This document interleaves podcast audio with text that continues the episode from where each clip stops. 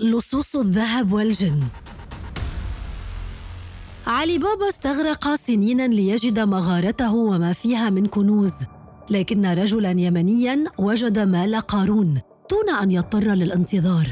الفارق أن علي بابا اضطر لمراقبة الأربعين حرامي أما الرجل اليمني وبحسب تقارير انتشرت منذ سنين لم يتطلب منه الأمر سوى استدعاء الجن لإنهاء المهمه بعيدا عما تراه من جوانب خرافية بهذه القصة الأمر الثابت أن الكنوز المدفونة ليست خرافة وأن الكثيرين يؤمنون بأنها محروسة من الجن ما دفعهم إلى ولوج تجربة البحث عن الذهب بالاستعانة بالسحر والسحرة والمشعوذين لفك لغز الكنوز الغامضة وتقديم الزئبق الأحمر للجن بحيث تكون الصفقة احتفاظ أحد أمراء أو أميرات الجن بشبابه وقوته بعد شرب الزئبق مقابل فك طلاسم حماية الكنوز. حتى وصل الأمر ببعضهم لقبول تلبس الجن لهم وما قالوا أنه يتسبب بفقدان مؤقت للذاكرة أو مس عقلي يبقى على مدى الحياة. تكذيب العلم لخرافة حماية الجن للكنوز والاستعاضة عنهم بأجهزة حديثة لكشف المعادن لم يكن كافيا لعشرات آلاف طالبي الثراء السريع الذين ما زالوا يحاولون تسخير الجن للوصول لكنوزهم. لكن كيف يفعلون ذلك؟ ما هي طقوسهم؟ ما هي الإشارات؟ وأين يبحثون؟ الزئبق والجن وفق معتقدات الباحثين عن الكنوز يجب التغلب على الجانب الجان لاستخراجها. وذلك باستدعاء أحد أمراء أو أميرات الجن وأغرائهم بأفضل ما يحبه الجان حسب رواية مصرية قديمة وهو الزئبق الأحمر. أحد أندر المواد على الأرض وتستعمل لصناعة السلاح النووي والذري.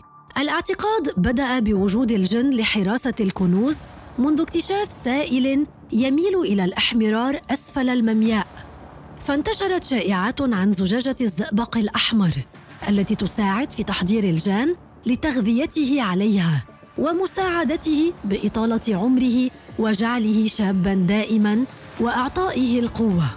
أما من يعجز عن امتلاك الزئبق الأحمر الغالي الثمن لا يعدم الوسيلة بالتواصل مع الجن بطرق أخرى بينها الاستعانة بالسحرة والمشعوذين.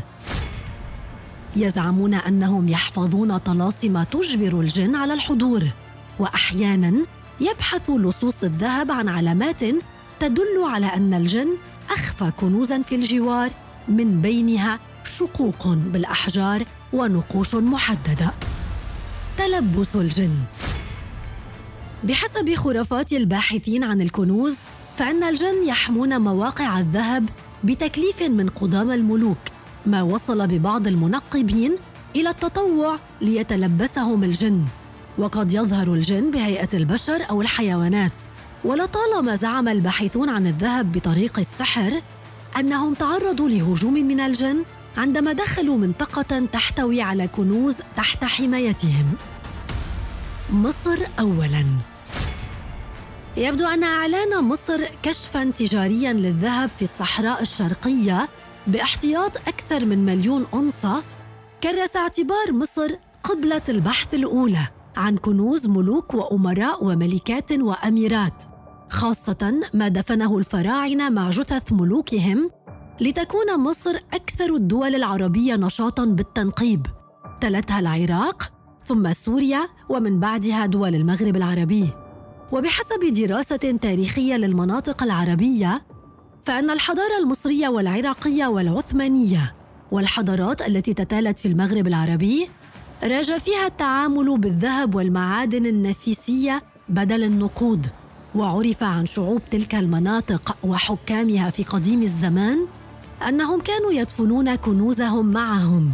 ورغم أن العلم ما زال يدحض بالأدلة خرافات استحضار الجن للعثور على الذهب ما زالت أعداد الباحثين عن الكنوز باستخدام الشعوذة بازدياد.